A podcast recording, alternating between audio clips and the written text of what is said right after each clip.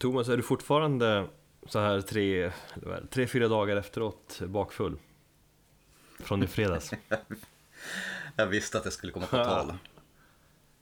Eh, ja, det är alltså tisdag, klockan är eh, strax efter fyra. Och ja, det är fyra dagar sedan vi spelade in eh, vårt avsnitt med Alex Stjernfeldt och jag är fortfarande sliten. Det var ju ingen hejd på dig där i fredags. Nej, jag vet och det här, är- jag vet inte riktigt vad som har hänt för att jag är både... har blivit gammal. Sänkt. ja, jag är både mentalt sänkt och fysiskt i kroppen. Jag har ingen ork och jag har ont i varenda led. Så att, låt, mig, låt det här få bli en lärdom för mig att jag ska fan inte dricka så mycket öl på så snabb och kort tid.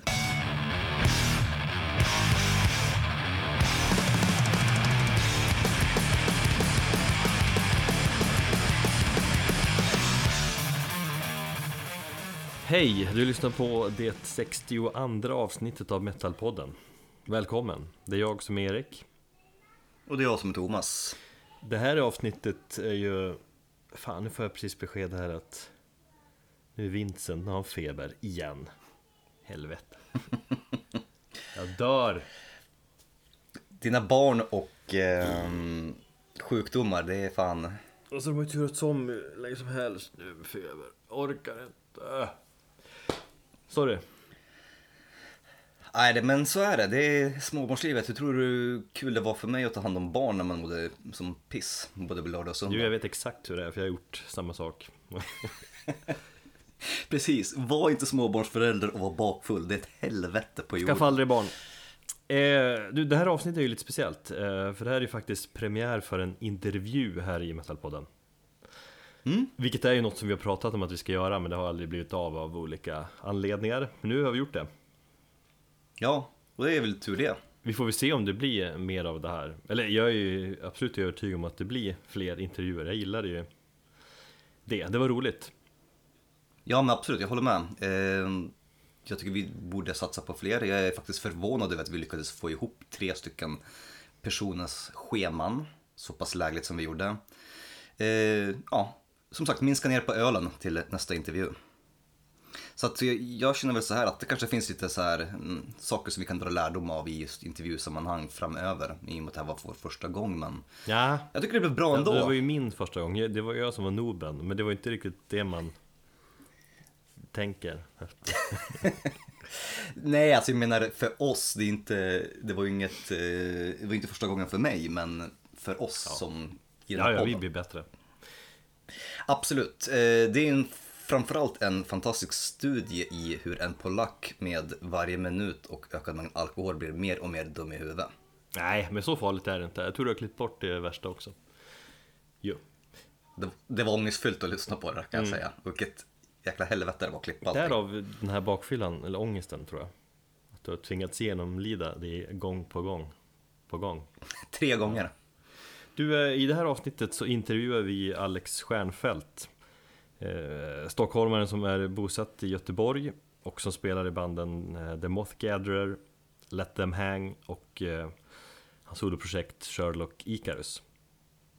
Ja, Och så har han spelat i Mr Death och så har han massa annat på gång också, projekt och så. Så att Precis. om de här banden eh, pratar vi givetvis om under intervjuns gång och eh, vi spelar även musik från de här banden. Så att om ni gillar vad ni hör så ska ni absolut kolla upp dessa band. Nej men vi snackar ju också mycket annat. Vi snackar ju om att eh, musiknördar. raketbajsa, Det också ja. att eh, Doom inte ger någon wow-känsla längre. Eh, vi snackar kalsonger, vi snackar Kent och eh, Jocke Bergs tv-spelsintresse. Vinylhat, lite årets bästa skivor och massa annat. Och innan vi kör igång med intervjun så vill vi säga att eh, ni jättegärna får stötta oss ekonomiskt på patreon.com metalpodden. Det gör ju oss jättetacksamma och peppade, ni som redan gör det. Eh, Och på den minsta nivån där så kostar det bara två amerikanska dollars Vilket är 17 spänn typ Vilket motsvarar en halv bärs ute på krogen eller något sånt där Allt ska ju jämföras med Det är bärs. klassiskt Mm. Och det kanske det är värt för att stötta din favoritpodd Om du tycker det, möjligtvis Mm. Ja, nej men ja, utan att eh, babbla vidare då så kastar vi oss väl tillbaka till denna fredag. Ja, slutligen bara att nästa gång vi ses då blir det listbonanza för då ska vi summera årsbästa listor. Åh. Så eh, peppa det också och Erik, du ska återkomma med en lista Mm. strax. Ehm, så, Alex Stjernfeldt, håll till godo. Ja! vi sitter här en eh, fredag eftermiddag, fredag vid middagstid på eh, Sound Pollutions Huvudkontor. huvudkontor. Precis, Stadsgården 10 på Södermalm. Precis vid Slussen, det är så vackert här utanför. Precis, bombnedslaget som är Slussen. Och vi har några bärs framme här så vi tänkte smutta på. Och vi har en gäst här. Alex Yes. Kul som fan att vara här. Mm, Välkommen. välkommen. Tack. Vi kan ju göra en Fredrik Strage, du kan ju få beskriva interiören. Ja, det ser lampor som sitter i någon kloakutrustning och massa bärs och svarta bord. Det är allt man behöver. Ja, Väldigt så här, eh, konstigt konferensrum ändå. Man ser ju in hur mycket som helst. Jag sa det innan att Transparens. ja, man, alla ser vad man gör här inne. Nu är det ingen annan här så att det gör inte så mycket. Men om vi skulle göra något. Det förklarar varför du Fuffens. sitter naken, Erik. Ja. Det skulle du inte säga. men vad dricker vi för någonting då? Jag dricker stout. Eh, förra vinterns stout som jag hade i källaren. Jag dricker Stigbergets Amazing Haze för att Göteborg och Stigberget jag är bäst. Och jag dricker Mariestad Export. Hur fan kan du dricka den? Den är god, det är en klassiker. Den är god, det är den enda lagen som jag faktiskt eh, fortfarande gillar och eh, den går lite grann i, i stil med, med mitt, den här metamorfosen som jag håller på att genomgå, att jag håller på att bli en surgubbe. Ja. Så jag börjar bli trött på fin-IPor.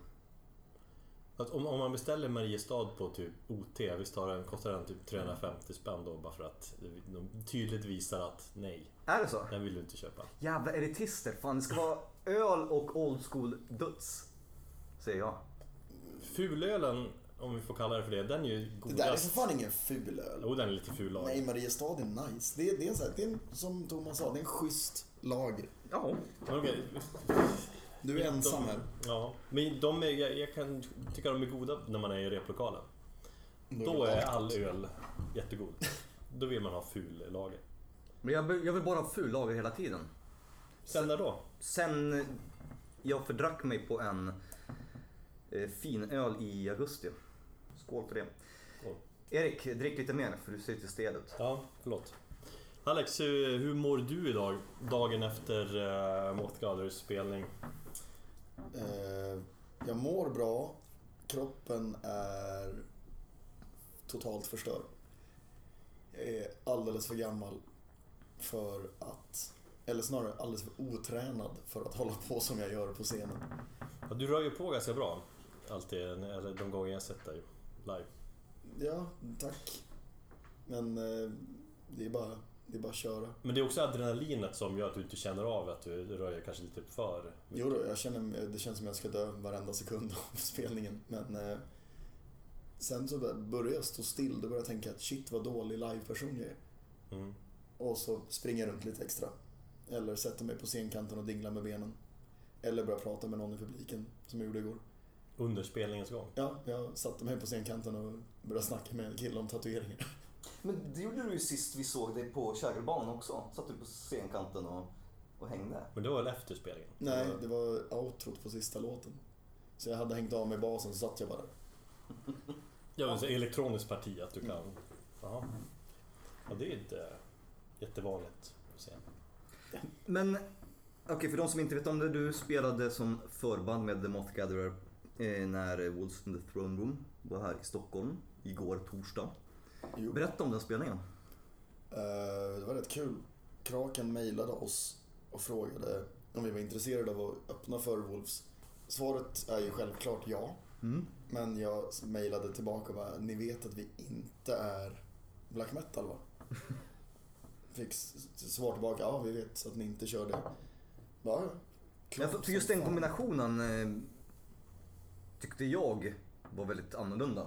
Men alltså det är inte första gången i historien som ett black metal-band kanske har ett annat förband eller överhuvudtaget en huvudakt har ett helt annat band än, som inte spelar i samma stil.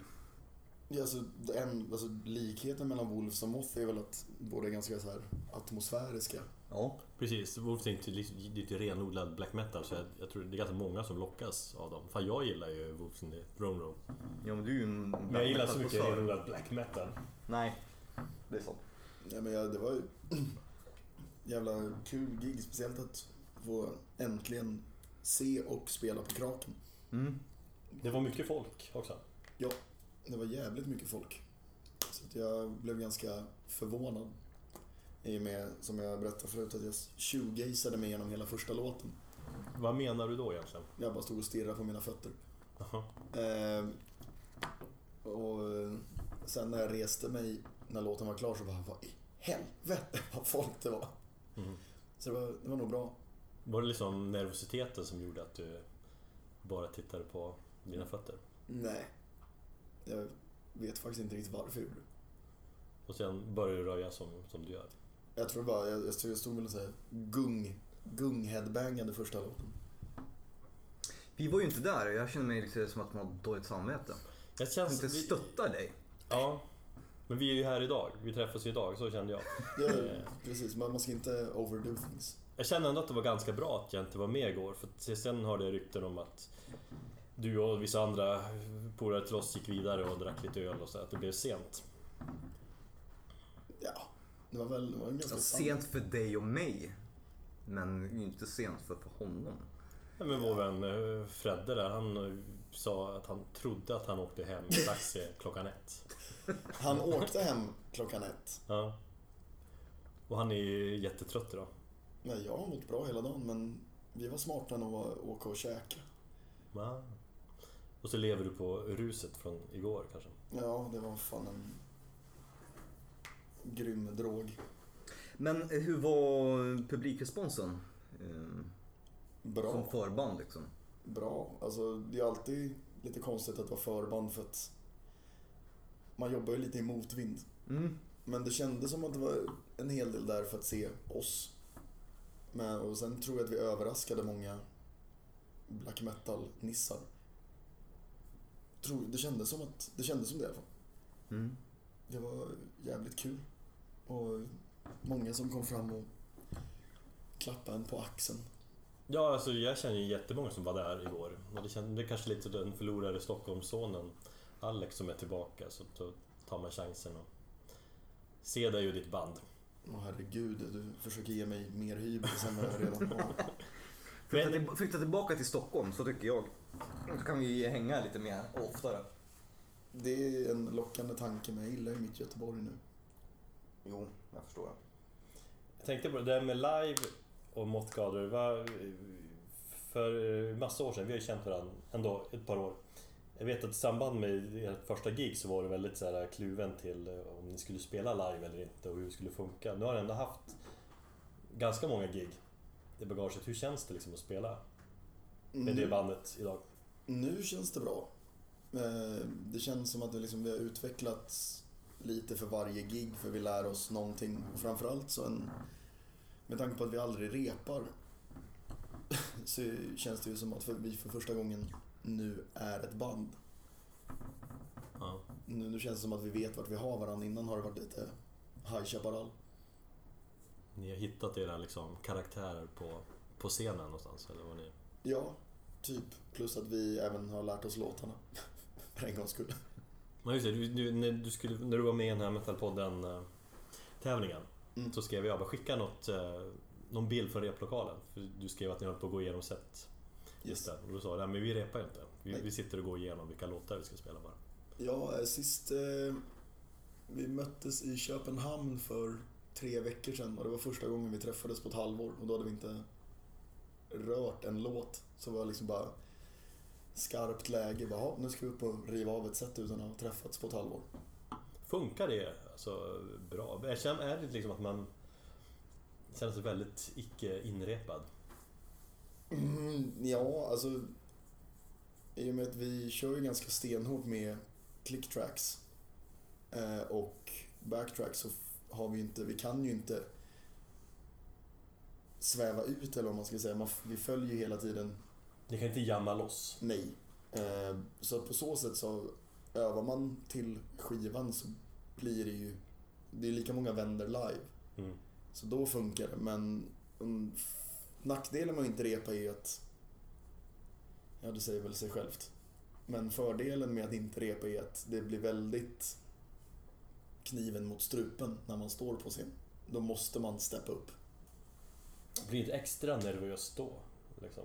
Nej, Ja. Men var du nervös överhuvudtaget igår? nej. Det var inte det? Jag tror jag stod eh, vid merchen och så eh, Johannes som eh, driver Kraken kom fram sju minuter över åtta och sa ni ska på tio över. Jaha, okej. Så jag hann inte ens reagera på att vi skulle spela. Mm. Men brukar du inte vara nervös? Inte längre. Märkligt. Han är ju så sofistikerad och världsvan. Nej, nej. Men man brukar ju prata om att det är nyttigt att vara lite nervös. Vi har ju snackat om det. Du brukar ju gå och bajsa inför varje poddinspelning. Ja, det där är väl ändå en sanning med modifikation. Eh, nej, jag brukar ju alltid, nej, än idag så är jag ju supernervös när jag ska intervjua artister. Men eh, ja, och det är någonting som jag har märkt att det kommer jag aldrig bli av med. För att jag tror att det är ändå kanske lite nyttigt att vara spänd inför en grej. Bara för att Fast man, man är på, på sin vakt liksom. Men det här betyder ju att du inte ser mig som artist med tanke på att du inte är nervös nu. Fast, ah, nej men, Nej men jag tror det är en blandning ändå. Alltså i och med att vi känner ju dig också. Så att det blir lite såhär... Ja men det känns som att det finns någon förståelse där och man behöver inte, det är inte som att möta en ny artist som man aldrig vet hur, han, hur den, den personen funkar i ett, Nej. i ett, i ett intervjusammanhang helt enkelt. Därför känner jag mig jävligt lugn. Lite som att möta Tom Araya och liksom vara lite nervös för sin svengelska och sådär. Ja och han spelar in din intervju också. Som han gjorde när jag träffade honom. Jaså? Var det liksom för att jävlas? nej, han satte på en kamera och bara Don't mind if I record this, this is for, for my, for my mm, digital book. Jag bara, "Jaha, okej, visst. Klart jag blev nervös när han spelade in mig också då. Fast det, är alltså, det där, jag är så avundsjuk på att du har träffat Tom Araya. Han verkar så jävla soft.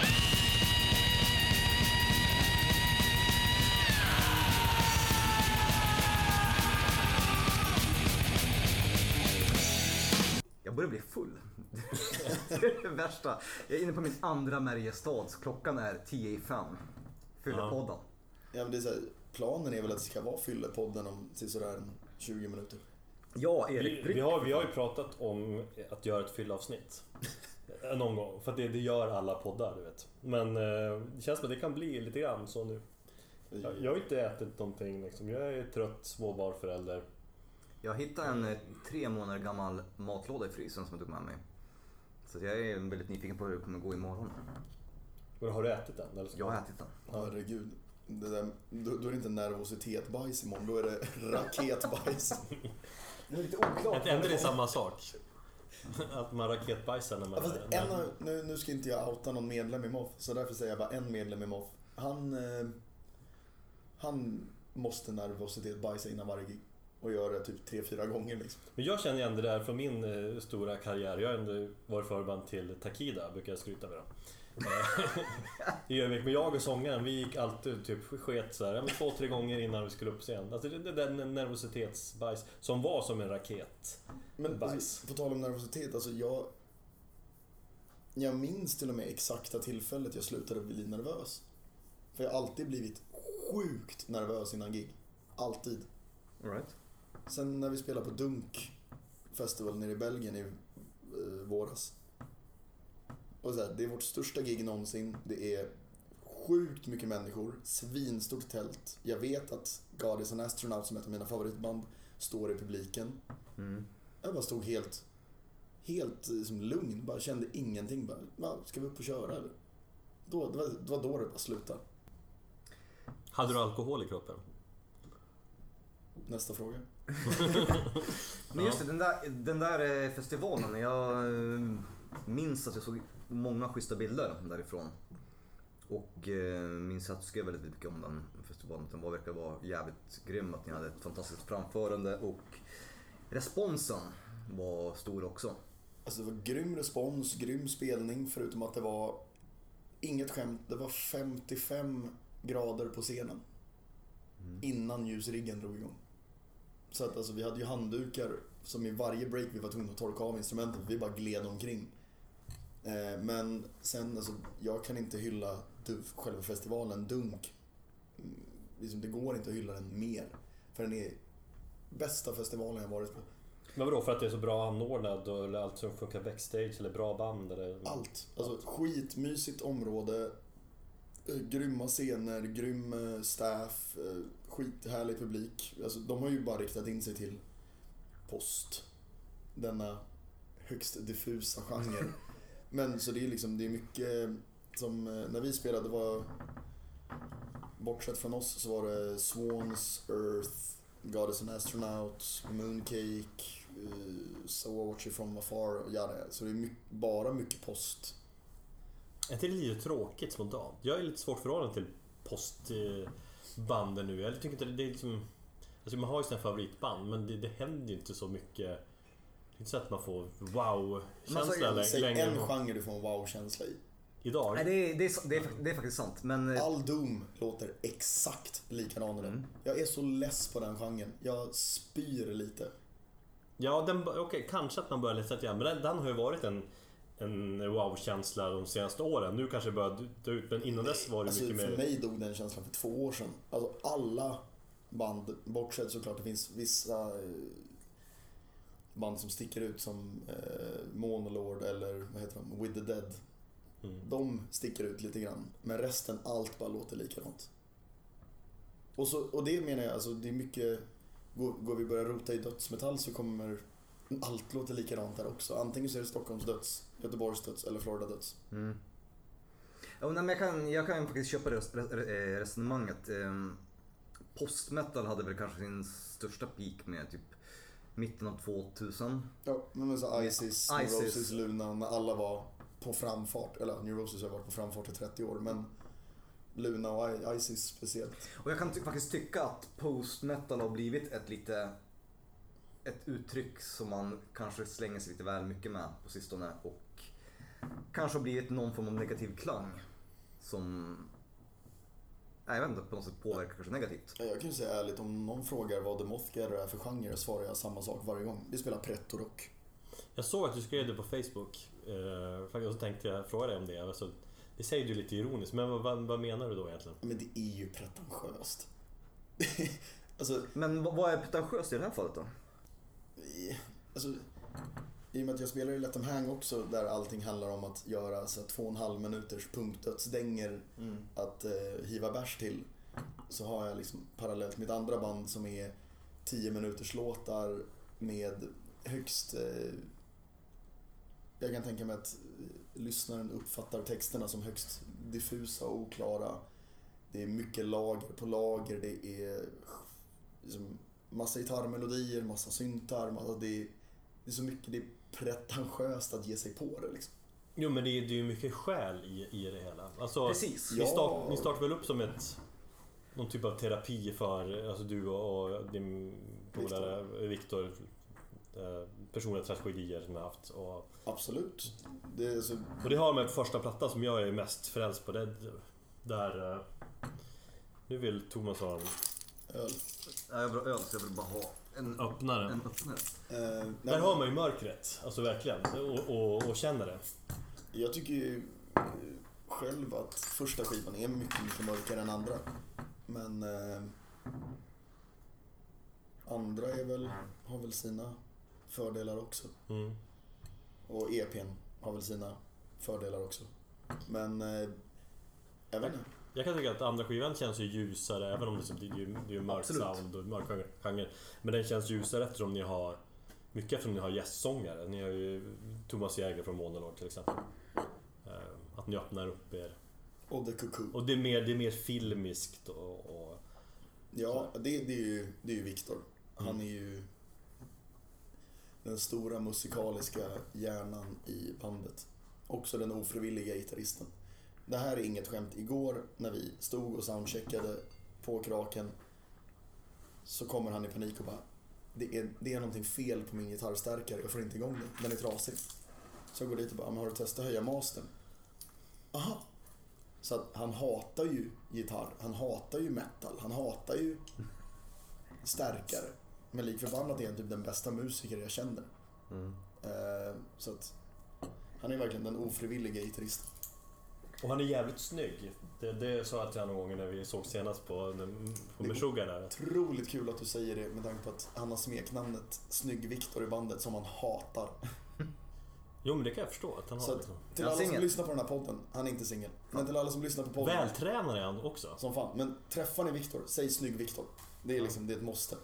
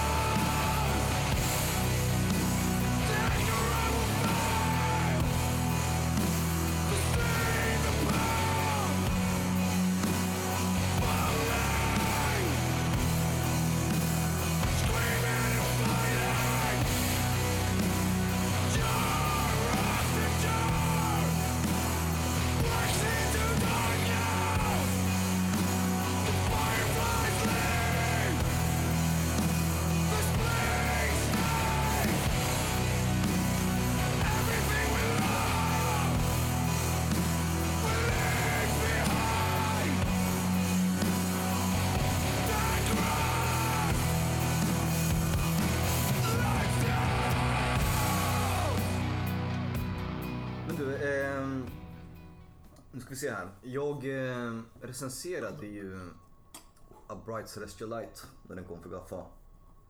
Mm. Och var det så vi kom i kontakt med varandra? Jag kommer inte riktigt ihåg hur vi lärde känna varandra. Eller var det via Twitter och gemensamma vänner?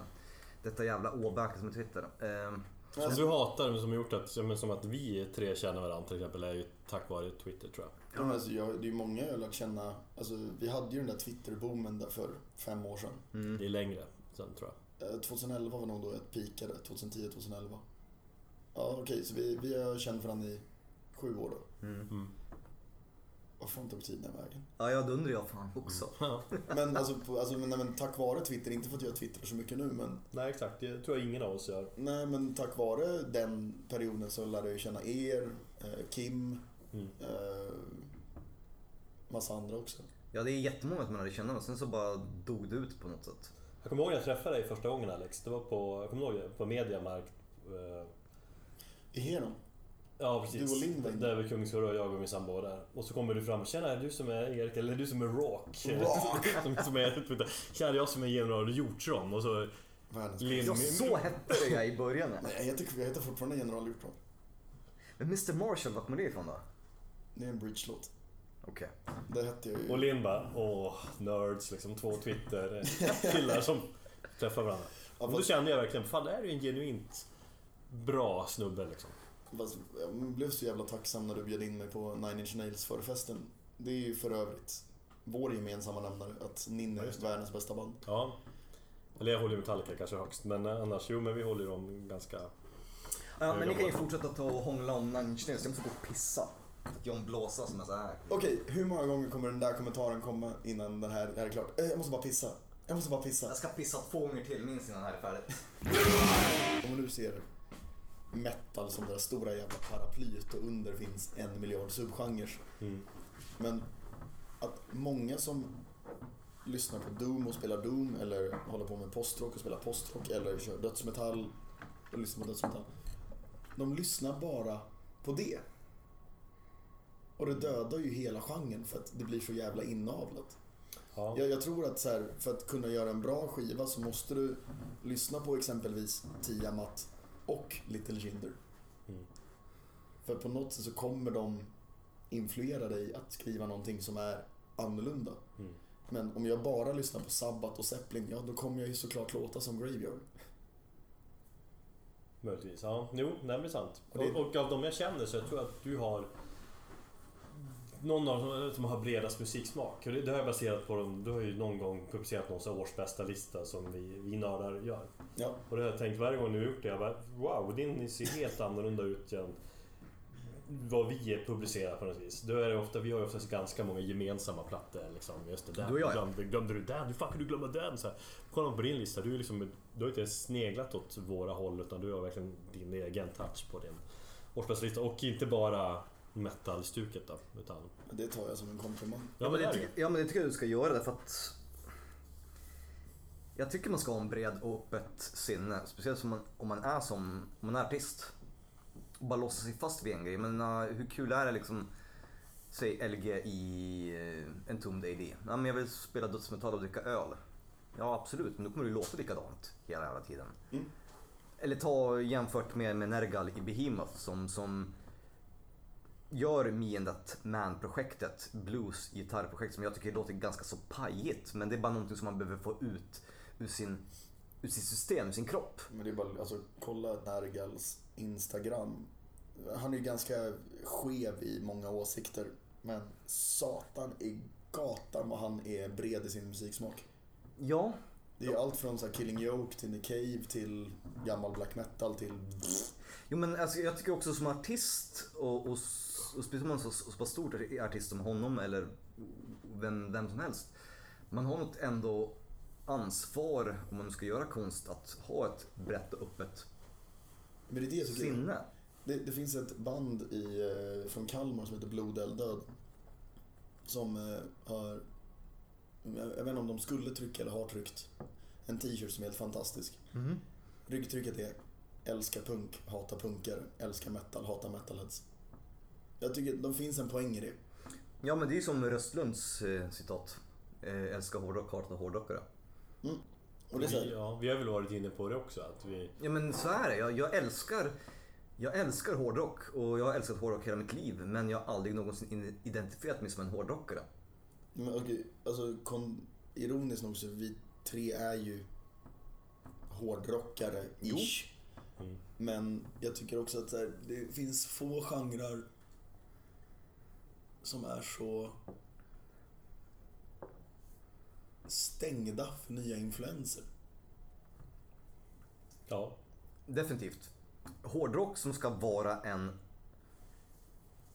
ett rebelliskt, eller ett uppror gentemot konventioner och liksom ett Ja, vad fan, ett konformistiskt förhållningssätt så tycker jag att hårdrockare är för, alltså, generellt sett ganska så konservativa. Men de är, jag, det här, jag minns när jag var 14-15. Mm, häng, då hängde vi ett ganska stort gäng nere vid Plattan. Mm. Eh, alla började liksom upptäcka musik och man började spela i band. Men då var det så, när alla i det gänget lyssnade på Motorhead, Sepultura, Iron Maiden, eh,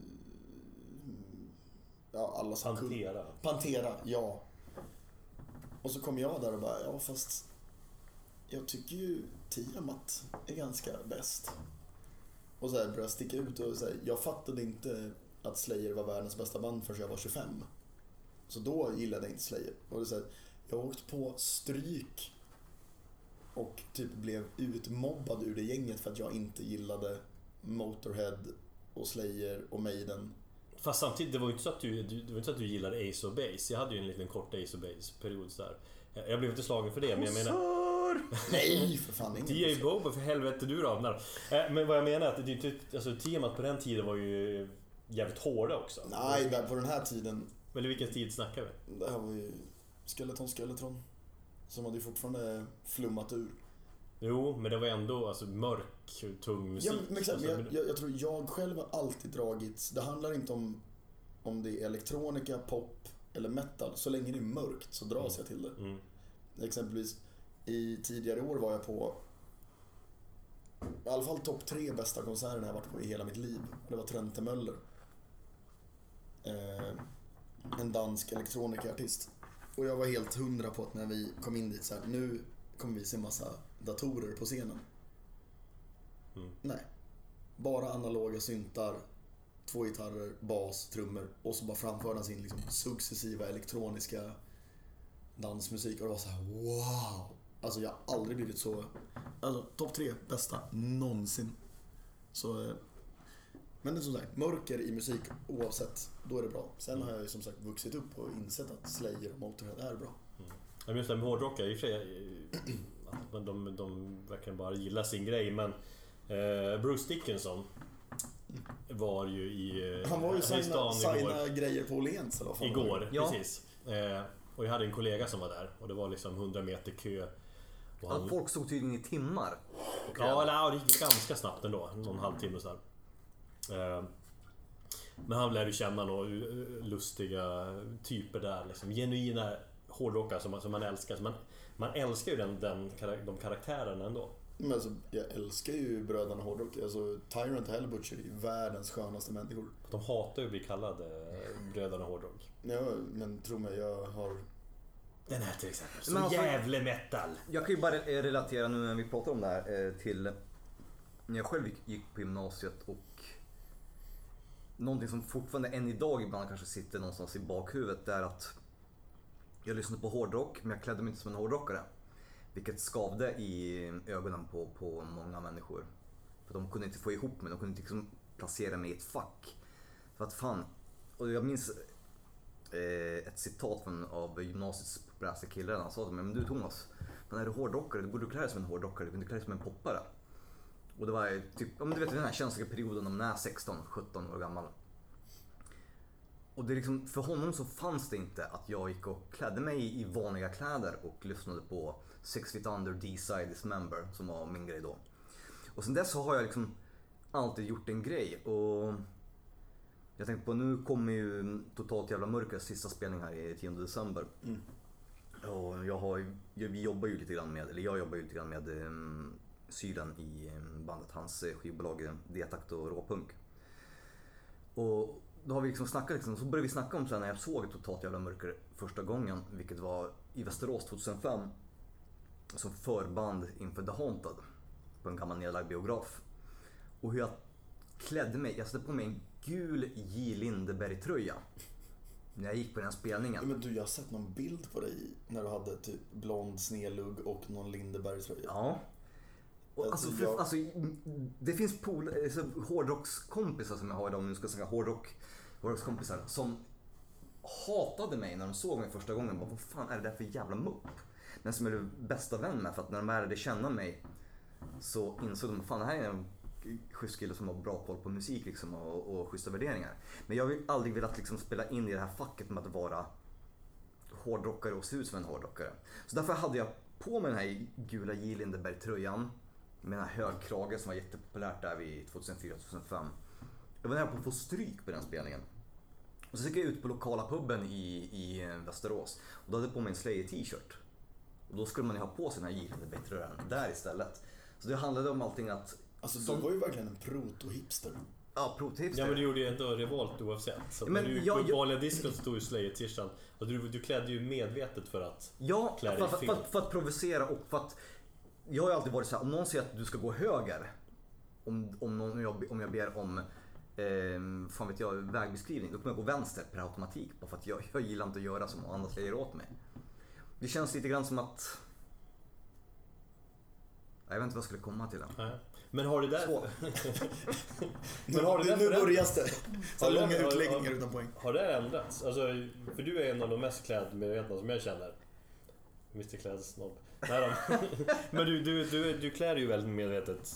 Men jag- men, men du klär dig, alltså man ser ju ändå på att du är eh, hårdrockare oftast. Det är ju oftast eh, Nu stretchar Alex sin rygg här. Nej, ja, fortsätt prata ni som stretchar. Eh, Ja, Jag menar att man förändras på det viset. Att du, du, är mer, du klär dig mer hårdrockigt nu. ändå. Ja, alltså någonstans så... Ja, jag vet inte vad jag ska svara på det. Jo, absolut. Jag ska faktiskt, helt ärligt kan jag erkänna att jag är ganska fåfäng. Jag är 35 år gammal, jag är ganska fåfäng än idag. Ja, men alltså, det är inget fel med att vara fåfäng. Nej, men, men jag bryr mig inte om att... Grejen är att jag bryr mig inte längre om att ha... Mm, Fan, jag jobbat på Carlings i tre och ett halvt år. Jag var ju skadad där med, med, med jävla jeans-sekten. Men... Eh, klart man bryr sig om hur man liksom klär sig. Men det är inte så superviktigt längre. Tycker jag inte. Utan nu, nu klär jag mig i det som jag tycker är nice. Och jag, var faktiskt, jag, jag är den första att erkänna att jag, jag Fan, min första jeansjacka med patchar hade jag vid 20, 29 års ålder. Alltså, man har muppar som ska hålla på och patcha sina här jeansjackor. Så Hur jävla- gammal var du när du stagedivade första gången? Och vilken spelning var det? Jag, jag, jag var med. Ja, eh, det var 2012 eh, när vi såg Coffins, Bombs of Hades och Sex Dwarf. Men satan, då, ja, 30 år gammal hängde jag upp och ner i taket på um, Riffis, gamla Pussy Go-Go. Hur full var du då? Så jävla full var jag. Men det är fortfarande, än idag är det den bästa spelningen och Coffins är ett fan- fantastiskt band. Jag stod och pratade med bandet trots att de inte kan några engelska överhuvudtaget. Eller väldigt lite engelska. Så lyckades vi på något sätt komma överens. Eh, och förstå varandra. All in the sign of death metal liksom. Men jag måste säga, alltså, gällande stil. Jag har nog, jag hittade min stil när jag var 14 år. Enda som har ändrats är att jag bytt färg på stilen. För Mm. då, mina husgudar i 14-15 års ålder, det var Turbonegro, Hellacopters, Glucifer. Mm. Så då började jag liksom med jeans, t-shirt, jeansjacka. Blått. Det enda som har ändrats tills nu är jag bytte svart. Idag, just nu sitter du i svarta jeans, tror jag. Ja. Och en Killing Joe t-shirt. Världens bästa man. Och väldigt färgglada kalsonger då. Ja, alltså jag har hysteriska färger på alla mina kalsonger. Mm. För att väga upp min regnbågssjäl. Det är turkosa och rosa för, för de som inte ser det. Och svart. Björn Borg är Björn Borg. Mycket björn. Vad har ni då? Erik tar av sig. Jag har faktiskt på mig svarta kalsonger. Dandy. Men det är ingen som bryr sig om, om färgen på kallingar. Oh jävlar! Dina är ju nästan värre än mina. Vad är, vad är det? Lite 70-tal är de här Ja, va? det är väldigt 70-tal, någon sorts så här orange, ros. Det, det, det ser ut som att komma in i här folkhem. Ja. Det är härligt. Folkhemskallingar. Men alltså, jag, jag tycker det är fantastiskt med, med svarta färger för att det är så jävla enkelt. Svarta färger. Eller svarta färger. Svart färg. Att köra svart. För att det är så jävla enkelt. Och jag menar, du köper en, en bandtisha och så bara, men det här är svart och sen så är det några, några, några bra grejer på den och så bandar man det jättebra. Däremot så har vi, du och jag Erik, insett att vitt är ju också det nya svarta. Det är jävligt snyggt med vita band-t-shirts. Det är väl så vi har, det vi har kommit fram till. Nej. Jo, det är det. Nej. Då har du inte haft en Metapolen t-shirt på dig. Ge ge hit din eh, öppnare. Jag skulle ta min Mantar, vita Mantar t-shirt idag, men den hade inte torkat än. Men bara den är jävligt snygg. Jag, jag, jag har en vit bandtisha som jag använder och det är steril hermafrodit för att det är ett så jävla bra band. Jag har, bra. jag har ett gäng. Jag tycker faktiskt det är snyggt. Och så, Fast det är ju fortfarande svartvitt. Alltså det... Tänk, Ja, det är svarta tryck. Ja. ja, Mm.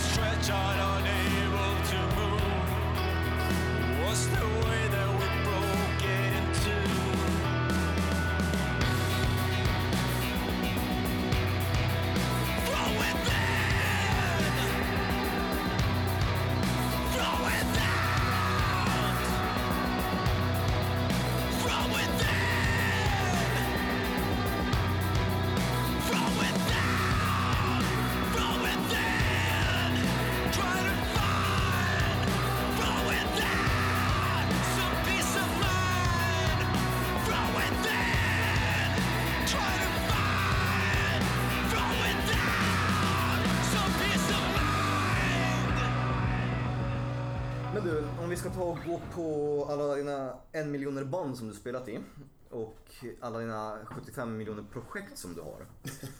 Får jag bara Eh, ställa en fråga om Moth Gathering innan vi lämnar det jävla bandet och går vidare? Ja. För jag är lite nyfiken. Kommer det nytt material snart? Exakt, hur, hur, hur, det ser ut på, eller hur ser framtidsplanerna ut? Ni släppte ju en EP i år. Mm. I våras någon gång. Eh, det kommer nytt. Det kommer en tredje platta. En fråga, hur fick ni med eh, Lyxzén? Eh, jag eh, träffade honom på en Invasionen-spelning. Nämnde att jag spelade i Moth Gatherer och att vi höll på att spela in nytt. Och han sa, men eh, adda mig på Facebook och mejla. Så skickade jag över en länk med... Eller det var före The Earth is the Sky kom ut, så jag skickade över en länk med Bright Celestial Light. Eh, Så svarade han att shit, det här var ju skitbra. Eh, Maila låten ni jobbar med. Så mejlade jag över det som kom att bli This Providence and Bones. Och han svarade, det här är en jävligt bra låt. Jag kör. Det är en jävligt bra låt. Jag tänkte när jag såg att den succén skulle vara med på EPn så kände jag att, lite grann att ja, men nu har Alex ringt en av sina eh, liksom, favoriter, idoler eller något sådär. Jag vet inte, det kommer inte funka. Det, det, det stuket, det där postmetall och så Lyxzén på det. Nej, men det, det funkar ju förvånansvärt. Den jävla blev, bra. den blev väldigt postpunkig, den låten. Ja. Väldigt Han, så här- han gör ju väldigt mycket postpunk nu tycker jag, invasionen och Ja, sådär. precis, men den låten påminner ju mer om... Alltså det är mer Joy Division över den låten än vad det är Neurosis, exempelvis. Men eh, samma sak när vi jobbar med Cuckoo från Terra Tenebrosa. Den låten är mer black metal än vad den är. Så vi, vi har ju våra små avstickare här och där beroende på vem vi jobbar med. För att jag gillar hela hiphop-grejen med featuring. Att jobba med olika sångare. Mm. Men ni har hittat er grej lite där också. Att ta in gästsångare, liksom att det funkar. Ja, det, ja men det coola är att först och främst med tanke på att de gör ju någonting med vår musik så bryter ju de sin egen genre. Och när de kommer in med sin sång så kommer de in med en helt annan vision än vad vi har. Så det blir ju ett jävligt så dynamiskt och kreativt samarbete som exempelvis Fred i Satan Takes Holiday som sjunger på Still Life Slumbers Here. Lå- Låt nummer två på, på EPn. Yes. Den är... Vi visste ju inte... Med, lyssnar man på Satan så är det jävligt intensiv rock'n'roll. Som du gillar jävligt mycket. Jag älskar Satan, älskar Satan Takes Holiday. Eh, så, och så bara kommer hans sång där. Bara det att han gör det så hjärtskärande sorgligt. Och det är så vackert det han sjunger med oss. Så jag höll ju fan på att gå ner i spagat när jag hörde hans. Men det är också så spontant som inte borde funka för det är, det är så långt ifrån Satan Takes a Holiday. Ja, och det är det jag menar. Man måste våga bryta Ja. genrer. Bara bryt väggjävlarna. Gå igenom dem. Vi känner lite så, har, alltså har ni några sådana planer för nästa fullängdare? Att, har ni några sådana, det där, några namn på en lista? Han skulle vi behöva fråga, hon skulle vi vilja fråga. Till. Mm, Vi har mejlat några sångerskor eh, som jag... Bryant. Nej. Eh, jag har försökt få tag i eh, Nicole Saboné för jag tycker hon har en så jävla grym röst. Eh, och sen har jag min, min graal jag jagar efter. Men det går ganska långsamt framåt. Okej. Och vem är det? Kino Moreno. Ja, Balt. det hade varit jävligt coolt alltså. Eh, Har du fått kontakt med honom eller? För då sträcker ni er mer internationellt. Det är som nästa steg kanske. ja, men alltså jag tror framförallt så Sen här, kan du dö lyckligt. Nej. Lyckligt. Jag tror så här, eh, Al Jörgensen i Ministries har en så jävla bra grej. Så här, när, man är, när man har gjort den perfekta skivan, då har man inte gjort den. För att den, det går inte att göra. Det där är faktiskt jätteintressant för det, det där är en grej som jag har reflekterat över väldigt mycket just idag. Um, det här med perfekta skivor och, och, och artister som säger att man har gjort, ja men det här är vår hittills bästa skiva. Och en sak som jag har fastnat vid och som har stört mig under de senaste åren är artister som när de pratar inför en ny skiva snackar om att deras skiva är den bästa de har gjort hittills. Och, och liksom, det är sånt jävla tomt säljsnack. Eh, och jag, jag, liksom, jag fattar inte hur, hur man som artist kan överhuvudtaget säga så. Alltså, så fall man måste ju vända på det i så fall och säga Vi är så här nöjda med vår egen insats har vi inte varit innan. För att säga det är vår bästa skiva. Nej, det är ju upp till lyssnaren att säga vilken som är bäst. Som exempelvis, jag har fått för mig, du tycker Dirty Sky är bättre än A Bright Celestial Light och du tycker tvärtom. Men jag men- tänker, men om, om dina, dina eller era två fullängdare, ni har släppt två fullängdare i en EP.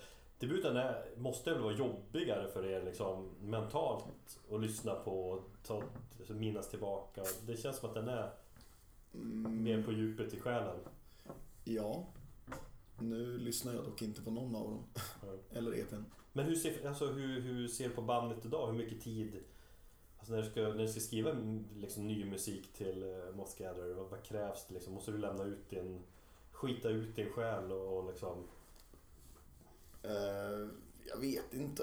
Jag tror det är därför skiv, eller arbetet med tredje går så jävla långsamt. För att först och främst har vi haft lite, Är det mer press?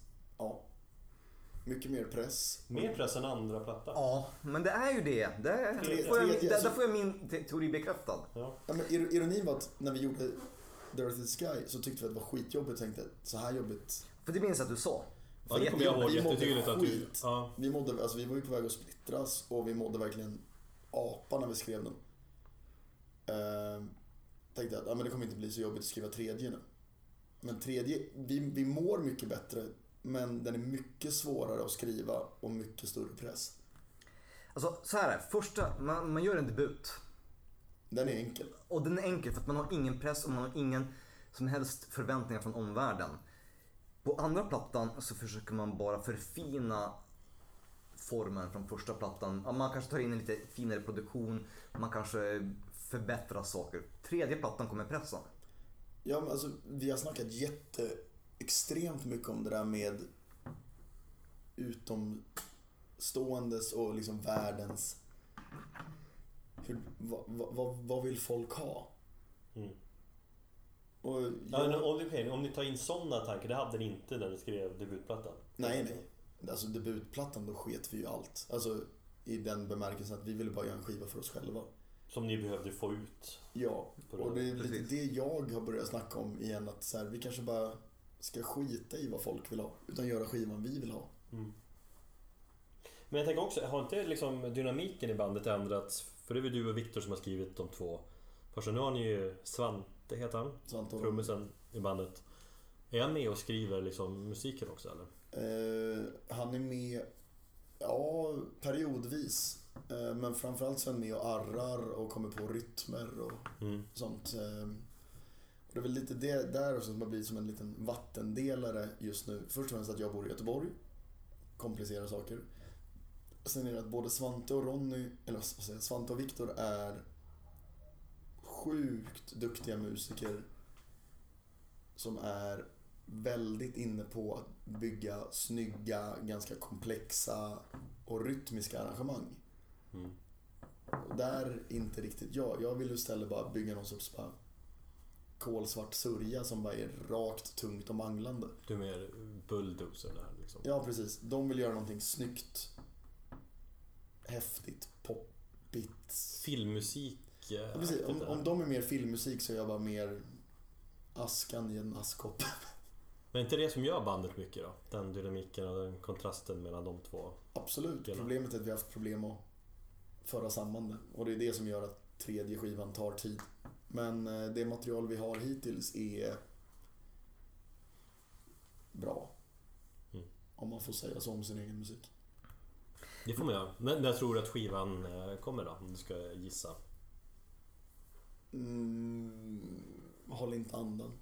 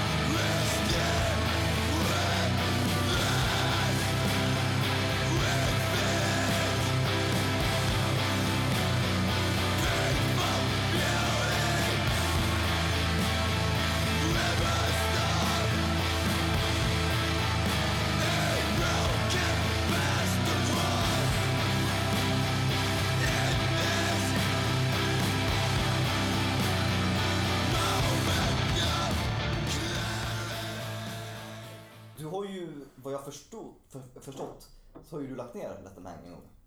Mm. Men nu är ni uppe igen. Ja, det var, det, vi nådde en situation i Let them hang då det inte liksom längre var hållbart att spela ihop. Av diverse anledningar. Eh, Så vi beslutade oss att lägga ner det 2015. Tror Ni släppte, alltså ni, ni har släppt två Tre. EPs? Tre EPs. Okej. Två har jag bara typ... Och för de som jag- inte, som inte förstått, det här är alltså renodlad döds tre ackordstitlar på EPn, eller hur? Ja, det är tre låtar på varje EP och det är tre titlar i varje EP-titel. Och det är alltid samma konstnär som målar. Jävligt konceptet. snygga omslag. Det, det, Ja men det. precis, det, det känns som att det finns ett så här, det finns ett koncept där. Ja men alltså, jag och Albin, Illusive Illustration, som målar. Eh, vi, jag får oftast en idé på en titel och så hänger jag med Albin och så är vi ute och dricker öl. Jag droppar titeln och min vision. Han, så sitter vi och bollar fram och tillbaka och sen så ger jag honom fria händer och så får vi framsidorna. Så det är väldigt så här laid back och det enda vi har sagt nu är att vi fortsätter bara med tre titlars. För att vi la ner och sen kom ett mail från eh, Sticky Fingers och frågan Hej, har ni lust att öppna för Merciless och The Lurking Fear? Och det var ju ganska nyligen. Ja. det var i maj i år. Det var en månad innan gigget. Så vi ringde runt till varandra och bara okej. det här erbjudandet finns. Och är det någon gång vi ska starta upp igen för ett gig i alla fall. Så är det ju för att spela med Merciless. Eh, Så vi sa väl, ja men vi ses och repar så ser vi hur det känns. Eller vi tackade ja till gigget. Och sen insåg vi att fan, vi har ju skitkul ihop nu. Eh, För att det som var ett jätteproblem då finns inte kvar. Men det är samma, ni är samma bandmedlemmar, det är samma trio. Det är samma trio. Eh, Vi hade så jävla kul. Så att eh, när den eh, spelningen var klar så eh, vår basist Staffan var väl han som var mest skeptisk till att dra igång igen eh, av den gamla historien. Liksom. Så får jag ett samtal av honom, han ringer och bara Fan, alltså vi kanske borde göra en ny EP. Ja visst, så jag ringde Peter, vår trummis, och bara Staffan droppade idén om att göra en ny EP. Och sen har vi liksom kört på ganska långsamt. För vi, vi, just nu följer vi bara, vi repar när alla kan och vill. Är det någon som känner att jag kan inte eller jag vill inte, då skiter vi i det. Men det känns ju som så att det blir ju bäst och det är, ju- det är ju så många band i historien som har haft en sån här ok på sig. Att de måste prestera eller någonting.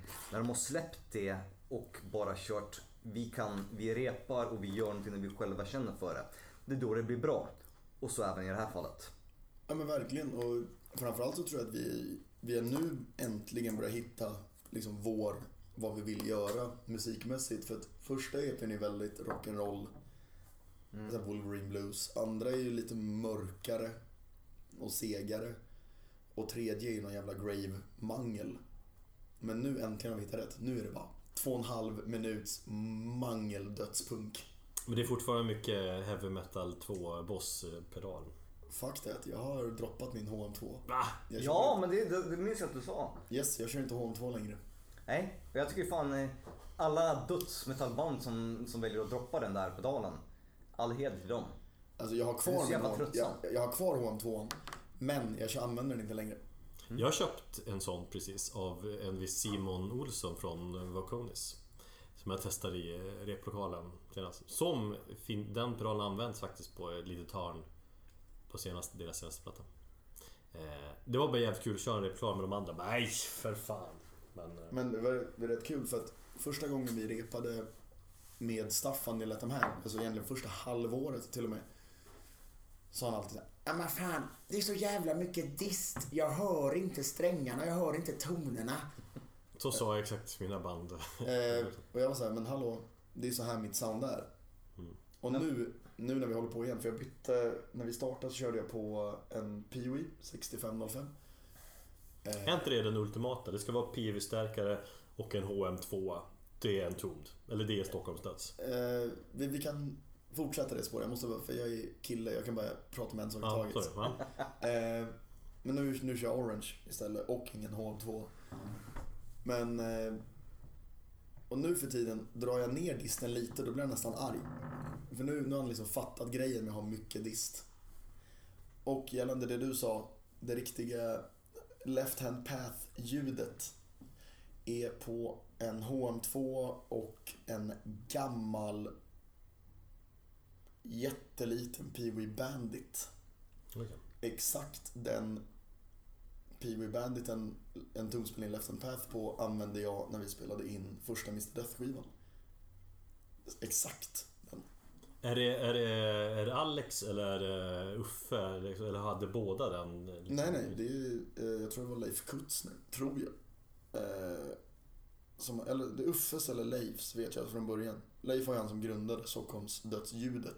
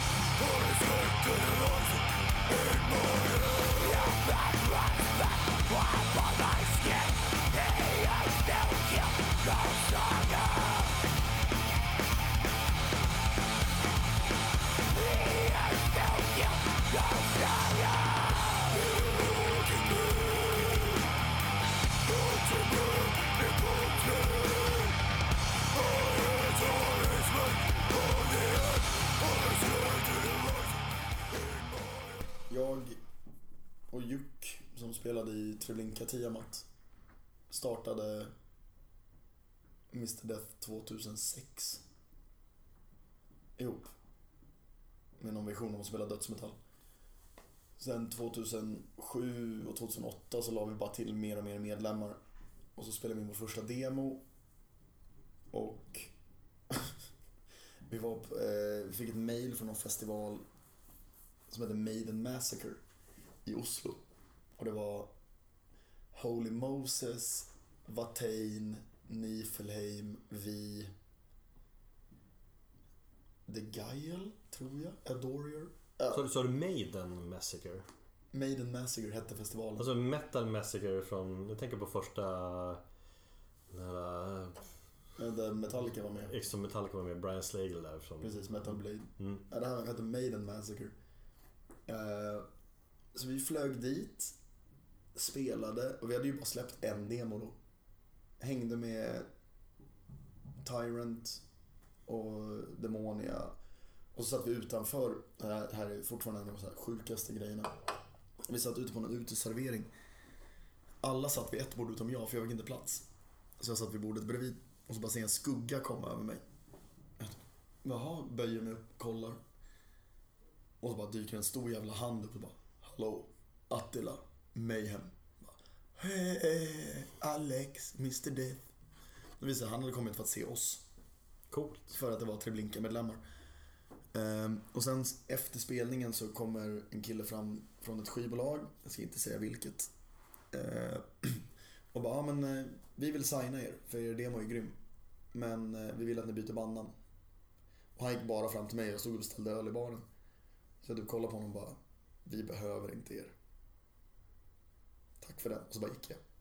Dagen efter så insåg jag, "Je- Jesus, jag kanske borde kollat med de andra medlemmarna. Men Varför ville... Alltså vad var fel på Mr Death då? Alltså det är lite fruktigt. Men eh, jag gillar det. Ja, Eh, det kommer ju från en dikt av E.E. Cummings. okej. Eh, men, eh, och sen passar det bra, rätt bra ihop med liksom, kostym och zombie-temat. Ja. Men de kör ju på fortfarande. Jo, de. Varför hoppar du av bandet? Mm, Eller vad hände där? man kan väl säga att det är någon hybrid av hoppa av och få kicken. Ja. För att jag har flyttat till Göteborg. ja, det var i samband med det. Ja, för jag sa att jag fortsätter gärna att spela mer. Men eh, de ville inte ha en gitarrist som inte bodde i stan. de Ja, det kan man köpa. Ja, så att därav att det är just en hybrid av hoppa av och få sparken. Men jag var sjukt, jag tog det jävligt hårt då. Eh, tyckte det var jävligt jobbigt för att Mr Death var en stor del av mitt liv.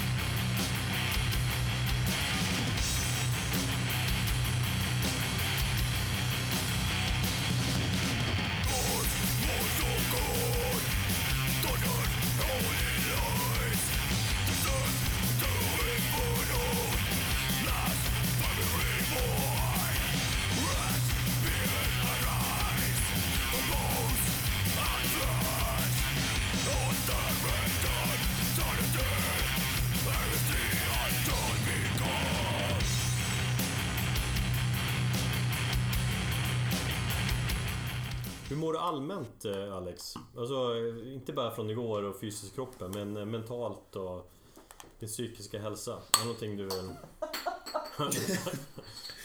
prata om? Eh, helt ärligt, så här bra har jag nog inte mått på flera år. Psykiskt. Det är härligt. Det är väldigt härligt. Det har varit en jävla resa senaste tre, fyra åren. Jag vet inte om du ville gå in på det, men vi- sågs senast på Meshuggah. Fan, det är väl ganska länge sedan vi sågs, men februari. Ja, då kastade vi oss massa öl och så pratade vi lite grann och så berättade vi lite grann om en lite mörk period så här. Då mådde jag inte jättebra och sen senaste året har varit ganska eh, stökigt. Men det har varit väldigt kul men också väldigt destruktivt. Så att för en månad sen, lite mer, så bestämde jag nej, nu tar jag en vit månad och eh, balanserar upp allting. Och det har jag gjort. Och nu mår jag jävligt bra och även börja göra saker, alltså ta tag i livsgrejer som gör att Men det beror på vilket syfte man tar alkoholen också. Absolut. Eh, som en flykt. Eller, Stackare skit, jag gör det hela tiden för att fly bort. Nej men jag dricker för- ofta för att ha roligt och sånt där. Men det kan ju vara att man, man behöver den för att man, man mår lite sämre kanske.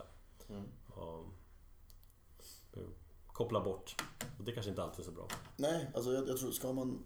Det sämsta man kan göra, vilket jag har lärt mig den hårda vägen, är att dricka alkohol när man mår dåligt. Som en Ja. flykt. För att tre öl in så mår man jättebra. Kid Icarus, eller jag får, Sherlock Icarus. Sorry. Men vad, vad, vad får du ut av det? För du är ju, uppenbarligen får du, ju- har du ett behov av att slänga ut den här musiken och få ut den. I och med att du har, slängt, eller har släppt tre, tre EPs i år. Får jag stä- ställa om den frågan? Ehm, när man är med i ett band så måste man ju kompromissa. Kanske en del. Mm. Det behöver vi väl inte göra med det här. Nej. Jag känner, speciellt efter den här frustrationen jag känt idag, att eh, jag egentligen gillar inte att behöva kompromissa med saker och ting. Men jag tror det är det det handlar om i Sherlock. Alltså både att få skriva ut eh, alla texter jag har skrivit i Sherlock Eakers är extremt personliga. Och det är rätt skönt att kunna ha ett band eller projekt eller vad man ska kalla det där personligheten även går över till musiken. Liksom, Det är 100% jag. Och det är fördelen. Den stora nackdelen är att är det skitdåligt då kan jag inte gömma mig bakom en annan medlem. Nej. Utan då är det, suger det så är det för att jag suger.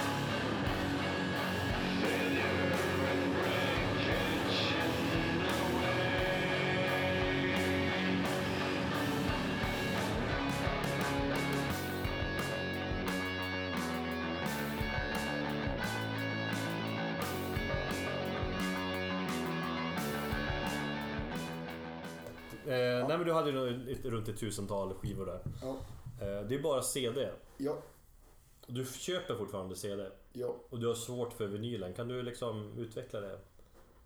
Ja, Du sa ju fuck vinyler. Ja, fuck Här vinyl. Ja, du innan. känner någon typ av hat till vinyl? Jag känner inget hat mot vinyl, det gör jag inte. Men på ett, ja kanske lite hat mot vinyl nu när jag tänker efter. Jag tycker att det är så här. Vinyl är skitsnyggt. Mm. Men det är så jävla dumt medium. Ja. Det jag har uppmärkt nu, i och med att jag som sagt är väldigt nybliven vinyl. Jag vill inte ens kalla mig för en vinylnörd, men Vinylfrälst har du blivit lite grann. frälst, ja precis. Det är att själva omslaget, förpackningen och få det här stora liksom. Det är ett plus Det, det är sånt jävla stort plus.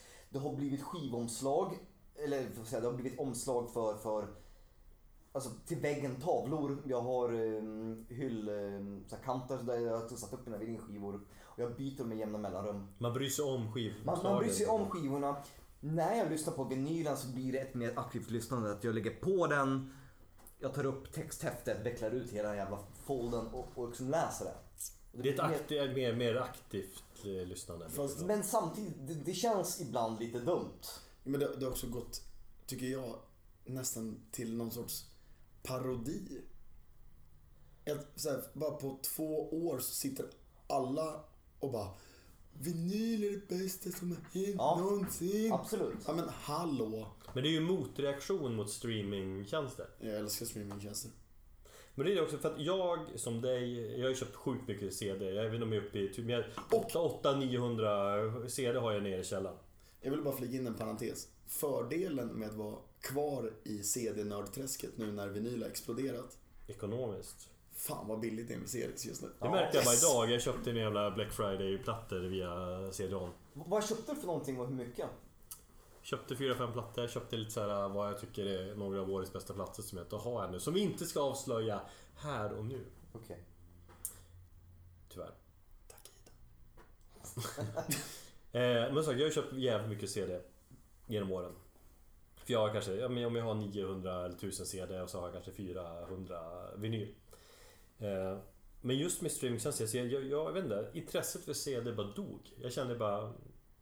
Jag började köpa vinyl så jag ville ha liksom, så mycket fysik som möjligt. Ju tyngre, Fast- desto mer plats det tar desto liksom... Men det är ju, det är ju dumt. Om om vi nu liksom sätter CD och vinyl mot varandra. Ja. Så vinyl har bättre ljud. Ja. I och med att det är analoga kurvor. Men det är också ett dummare medium att lyssna på än CD. För att du måste gå fram och vända på den där skivhelvetet. Men det är, ju, det är ju den detaljen som gör att det blir mer aktivt lyssnande. Nu slår jag på nålen här. Nu ska vi lyssna på hela jävla sida A för jag kommer inte orka hålla på och byta. Vi kommer sitta här nu i soffan, dricka öl. Vi kommer lyssna på hela sida A för att vi kan inte hålla på och byta. CD så är det den här låten är dålig. Byt låt, okej. Spola fram till andra efter andra refrängen. Ja, fast det där också- det där. Men, okej, byta låt kan jag köpa men att spola fram det gör man väl inte? Vi ska ju i vårt nästa avsnitt ta och typ gästa, eller li- lista årets bästa albumsläpp. Mm. Näst, nästa avsnitt. Näst nästa avsnitt. Så jag tänkte att du skulle få ta och eh, lista dina. Du är ändå slutet av november nu och De mesta mesta har ju släppts. Åh, vad fan har släppts i år? Eh, 2017. Du har inte gjort den analysen ännu. Du har inte liksom... Det känns som att du ändå är en kille som har som liksom antecknar ner mentalt eller på någon lista har koll under året att det här är... Att du har en mental bild av att det här är några. Jag behöver inte säga... Du behöver inte ge ettan, tvåan, trean utan några av årets bästa skivor. Ja men precis. Om du har någonting, låttips. inbördes rangordning. Men, men lista fem skivor. Och som, som Erik säger, skivor som har påverkat dig i år. eh, ja, utan tvekan är det Slowdive. Den är ju briljant. Mm, det har jag ju förstått. Och den heter... Slowdive. Självbetitlad. Okej. Yes. Eh, jag tycker nya Manson är svinbra. Du gill- gillar du också förra Manson-plattan? Ja. Eh, Jag tror den är ganska intensiv. Så jag, kan- jag, liksom, jag hade kan nog någonstans mer förväntningar på men den är ju, den är ju bra. Den är jätte, jättebra. Speciellt låten Blood Honey är ju fenomenal. Jag satt och precis och funderade, vad fan har släppts i år? Jo, eh, With the Dead, With Love from the Dead. Är den så jävla bra ändå? Den är, det är, fan, det är nej, det är nihilistiskt som fan. Ja, eh, jag har hört... Var det din mage eller? Jag har läst... Förlåt. Min mage? Det var din mage? Nej. Det var någons fötter. Ja. Ehm, jag har hört lovord och jag har hört folk som tycker den är skittråkig. Jag har framförallt hört det, att många tycker det är tråkigt. Jag gillar ju debut som fan, alltså just produktionsmässigt Men tycker jag nya, nya är så jävla, den är så hatisk, den är så arg och den är så nihilistisk. Och det är bara, det är bara som att lyssna på ett drönande fuck you i en timme. Jag älskar den. För den sticker ut i hela den här, vi var inne på min eh, tristess om Doom. Den bara sticker ut för att den är, den vill något. Jag tycker alla andra Doom-skivor vill ingenting. De bara, kolla på mitt feta gitarrsound. Men det tycker jag stod ut med debuten, With the debut också, att det var sån jävla, sån jävligt fet produktion. Man kände, här, det här är ju är, sen så tyngsta. är det ett fuck you till Electric Wizard också. Ja, men första var ju mer ett fuck you, nu ska jag hämta mer öl. I och med att jag typ inte har lyssnat. Ja, Det är så jävla klassiskt musiker, om jag får kasta in dig i det där. Som är bara så inne i sitt eget musikskapande att Kommer ut ur bubblan på andra sidan så bara, vad släpps? Jag vet inte, jag har bara varit inne i mitt eget fel. musikskapande. För att jag är mer intresserad av att hitta ny musik än att skapa musik. Jag tycker att skapa musik är ett nödvändigt ont för mig att fungera. Men att hitta ny musik, det brinner jag för. Med det sagt så tycker jag att det här året egentligen har erbjudit ganska mycket mediokra eller... Det, det håller om. Det håller om. Mm. Eh, sen finns det ju vissa som sticker ut som Slow Dive, Och With the. Nej men Och With the grejen är så här att eh, det här Och året har jag för första gången känt att jag inte haft någon ångest över och Manson. årsbästa-listan. För det var ganska enkelt. Och än idag, förutom de små justeringar, så känner jag än idag, vi är i slutet av november, så känner jag att eh, jag har inte så mycket som jag behöver ändra eller någonting som man brukar Du känna. har ju sagt det flera jävla gånger nu. Jag sitter mitt inne i min jävla ångest. Inte så mycket ångest i och för sig, men vilka plattor som Alltså det finns typ två plattor som jag skulle kunna lägga in på min lista och ändra om. Men samtidigt så vet jag hur det är. Med det sagt, ehm, jag tänkte att vi skulle åter, återanknyta till det här med With the Dead som du sa tidigare. Medan jag var och gubbskvätte lite grann igen. Sluta titta på klockan Erik. Jag vet inte. Jag blir varför stressad. Nej, jag är inte, jag är inte stressad. Jag är Jag gör det bara för att jag är nyfiken. Helvete hur länge vi hållit på liksom. Ja, jag är jättefull. Det roligaste är vi har, det känns som vi bara har snackat goja i snart två timmar om musik. Ja. Jag Sen tyvärr ofrivilligt då och då gått in lite på Och för, mina grejer. försök gå in på dig. Ja. Men det- och har då- då snackat var mer det- om annat. Nej men With the Dead. Eh, jag får ju kanske ta det här. Ta ett annat perspektiv på det här när jag är nykter. typ någon gång Det, det som jag gillar med ditt fulla jag är att du pratar mer som jag. Alltså, du är så här långsammare. Sävlig. Du är mer sävlig. Han är ju en gammal, och han är fortfarande idag, jag läste en intervju här nu kring With the Deads andra släpp. Att han är fortfarande så här, i, i, i grund och botten är han ju en eh, krustpunkare. Han, är liksom, han har ockuperat de här bostäderna i, i, i England. Han har, han har liksom haft den här anarkistiska synsättet. Det var det som skapade Nathan Death och mycket av det han gjorde i Cathedral och framöver. Och det är liksom, liksom lite grann av den röda tråden som han tagit med sig with, with the Dead. Jag tycker andra skivan är ganska bra om än ganska så monoton jämfört med första skivan. Fast nej. Det är det, jag tyckte också vid första lyssningen att uh, With Love from the Dead, att den var monoton. Mm.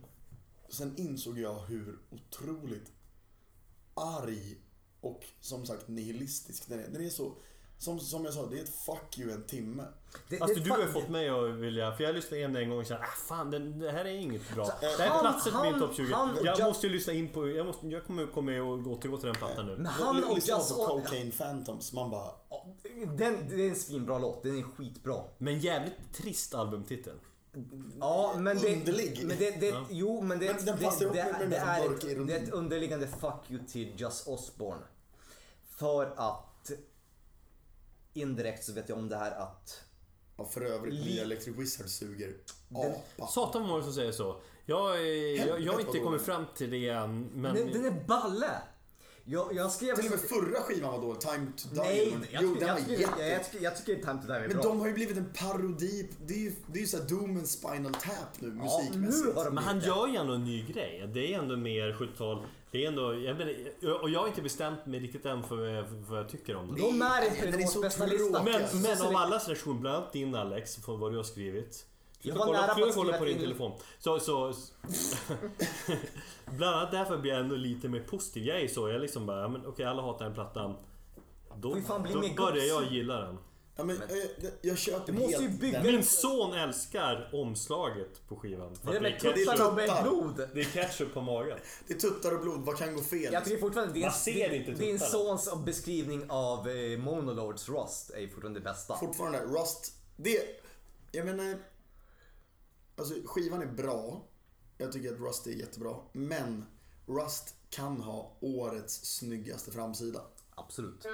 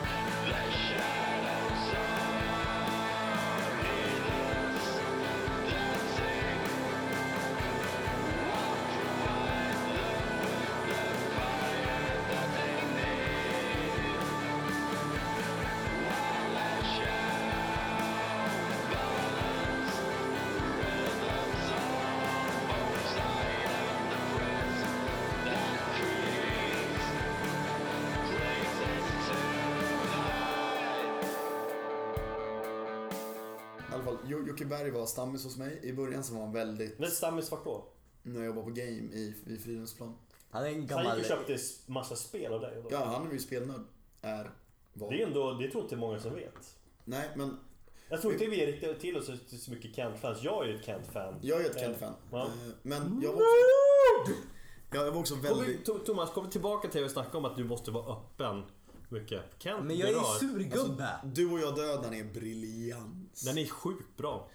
Du skulle älska den och lyssna. Hagnesta Hill, det är det enda bra Kent har gjort. Men vadå, det är för att du inte har lyssnat riktigt på de här albumen? Jag har lyssnat på jättemycket album med Kent. Men om du gillar Agnesta Hill så måste du gilla mer Kent. Alltså om du gillar det. Ja men alltså, verkligen är grym. En himmelsk. Isola-plattan. Isola... Nej, där gnällde han för mycket. Men Is och Agnesta Hill är de plats som är närmast varandra. Alltså de... Okej, jo. för att dra min jävla anekdot. eh, men alltså, han var stamkund. Eh, och Stamkund, alltså lika med tecken. Han köpte jävligt mycket spel. Han köpte mycket spel och han vinner ganska ofta och till slut så fattade han väl att jag sket i att han spelade i Kent. Utan jag var mer intresserad av vad han gillade oss för, för, för spel. Men hur menar du då? Att han gick fram och att han liksom hade luva på sig, han försökte vara lite anonym och Nej, så. alltså, nej, nej. Han, man såg ju alltid att det var han. Det var inga, alltså, det var inga så här rockstar så sett. Bara att han sa inte så mycket i början. Men sen när han insåg att jag rekommenderar bra spel. Så kom han ofta fram och bara, tja vilka ska jag ha den här gången? Seriöst? Ja, Det, var inte, så- alltså, det, det är inte så här, eller det är jävligt tufft att vara den typen av eh, försäljare. Alltså rekommendera tv-spel. Ja det gör jag så gladeligen. Men vad, vad, vilken, eh, jag är nyfiken på Jocke. Vilken typ av spel, vilken genre av tv-spel? eh, Tunga RPGs. Det är lite trist ändå. Nej, jag älskar RPG. Ja, man, jag kan tänka mig att han satt i sitt med stor jävla TV och fullt... eh, Nej, men jag, han köpte ofta spel när de skulle in i studio och jobba. Okej. Då i alla fall. Det här var ju massa år sedan. Men i alla fall, så han kommer in. Och jag, kan, jag kunde inte låta bli. Kunde verkligen inte låta bli. Så att när han kom in så drog jag på Tiamats Cold Seed ganska högt i butiken.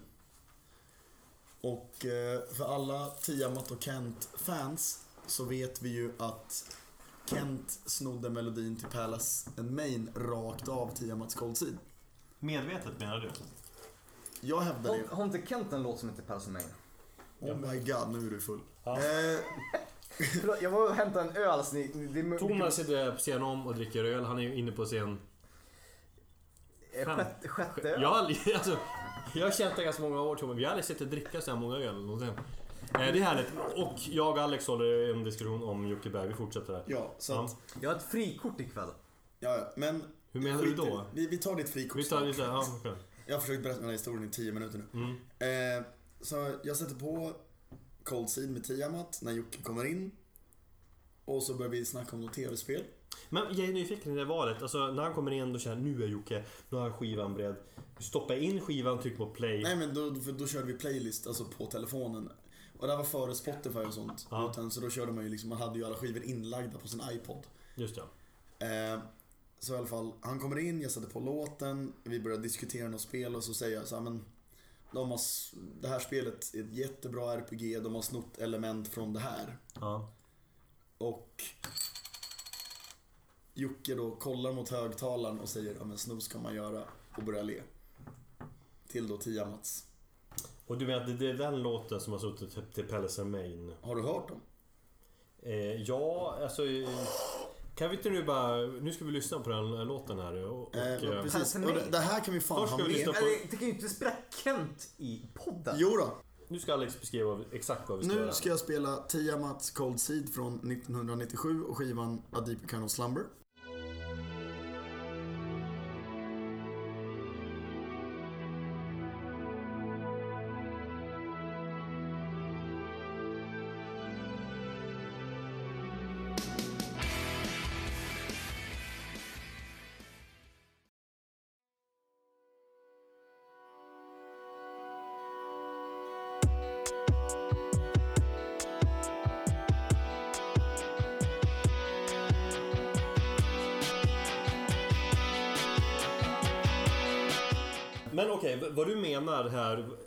På något vis är att din stamkund Jocke Berg Ja, som köper eh, tv-spel av dig en gång i veckan typ. ja. Eh, när du satte på den temat-låten så snodde han den. Nej, nej, nej, nej, nej för fan. Det här var ju... De hade redan spelat in den. Ja, okej. Och han insinuerade, han sa det inte Ja, just det. Vänta, vänta nu. 97 kom Deep Temat. Slumber. Precis, och Palace and Main var 2005. Mm. Eh, och det här kanske var 2008, 2009. Mm. Så att den fanns ju, men att han... Han sa det inte rakt ut att... Eh, men han insinuerade att sno ska man göra. Det, det är lite lockande där att eh, Jocke Berg gillar temat. Ja men det är, det är bara att lyssna på hans favoritlåt, En himmelsk drog. Där sjunger han ju Fan, den är så jävla fin! Eh, om sitt gamla hårdrocks-jag. Mm. Så att jag tror definitivt att... Eh, Ja, Jag, jag har aldrig reflekterat över Jocke Bergs hårdrock, eller vilken, vilket hårdrocks-jag det är. Alltså vilken typ av hårdrock han, han gillar. Det. Och det kan jag tänka mig att det är tidigt 90-tal, slutet av 80 någon gång. Som sagt, jag vill dock säga, jag vet ju inte om de faktiskt hade snott den. Nej. Men så som han var och så som han höll på så kändes det som att jag och han har lyssnat på låten. Bra! Det var det. Jag har en sista fråga. Ja, En, en sista grej vi ska prata om nu. Innan Thomas får lägga sig och sova någonstans på hans kontor. Så jag har aldrig sett dig dricka så många öl någonsin. Jag har druckit alltså en, två, tre, fyra, fem, sex, sju, ja, åtta öl. Ja, Det är vansinnigt. Det, det, det är fan vansinnigt. Jag, jag ska dricka minst två öl på vägen hem också. Jag ska träna imorgon. Jag ska, jag ska kickboxa. Jag ska kickboxa klockan 12. Jag har sparring. du ska bick-koxa. Okej, jag har en sista grej här nu. Och det är så här. Jag känner dig som en musiknörd, en musiker, du har jävligt många projekt eh, på gång och som du håller på med, som vi har pratat om här under avsnittet. Men... Du är ju också en sjuk tv-spelsnörd. Ja, Alltså så här enorm tv-spelsnörd. det är korrekt. Jag brukar någon gång, det var länge sedan, men jag har ju faktiskt minst tre, fyra gånger för, för att ha polare har jag visat liksom på, om man går in på sin Playstation, Playstation Network och så kan man jämföra trophies eh, med andra eh, vänner. Och då brukar jag kolla in den här killen Alex som jag känner och kolla, kolla in, och så jämför vi trophies. Då kan man jämföra, då, då är början gemensamma spel man båda har spelat, typ. Och så kan man, d- d- scrollar man neråt, där är ganska mycket spel. Brrrr, och där tar det slut för mig. Och det, jag, jag, jag, jag hinner inte spela så mycket. Jag älskar tv-spel men hinner fan inte spela någonting. Men jag har ju spelat med några, ett antal tv-spel. Jag älskar tv-spel på ett sätt. Men sen fortsätter det. Drrrr, Och det är han då. Då är det bara Alex som har spelat titlar. Brrrr, alltså hur mycket som helst. Det är så sjukt. Det är så otroliga mängder tv-spel. Jag har väl, jag vet inte, men kan jag ha fem och ett halvt, sex tusen trophies omkring där. Jag vet inte hur mycket det säger egentligen. Men det är, om man inte är insatt. Men, men, men alltså hur... Du spelar väldigt mycket tv-spel. Väldigt mycket. En del av mig känner så här att... Ja men hur du har tid och den grejen. Eh, finns en grej som heter att skippa sömn. Mm. Nej, alltså skämt åsido, jag, Men det väldigt- måste, vara, du måste, det är en förälskelse till ett tv-spel. Alltså att du brinner för det. Det är inte bara...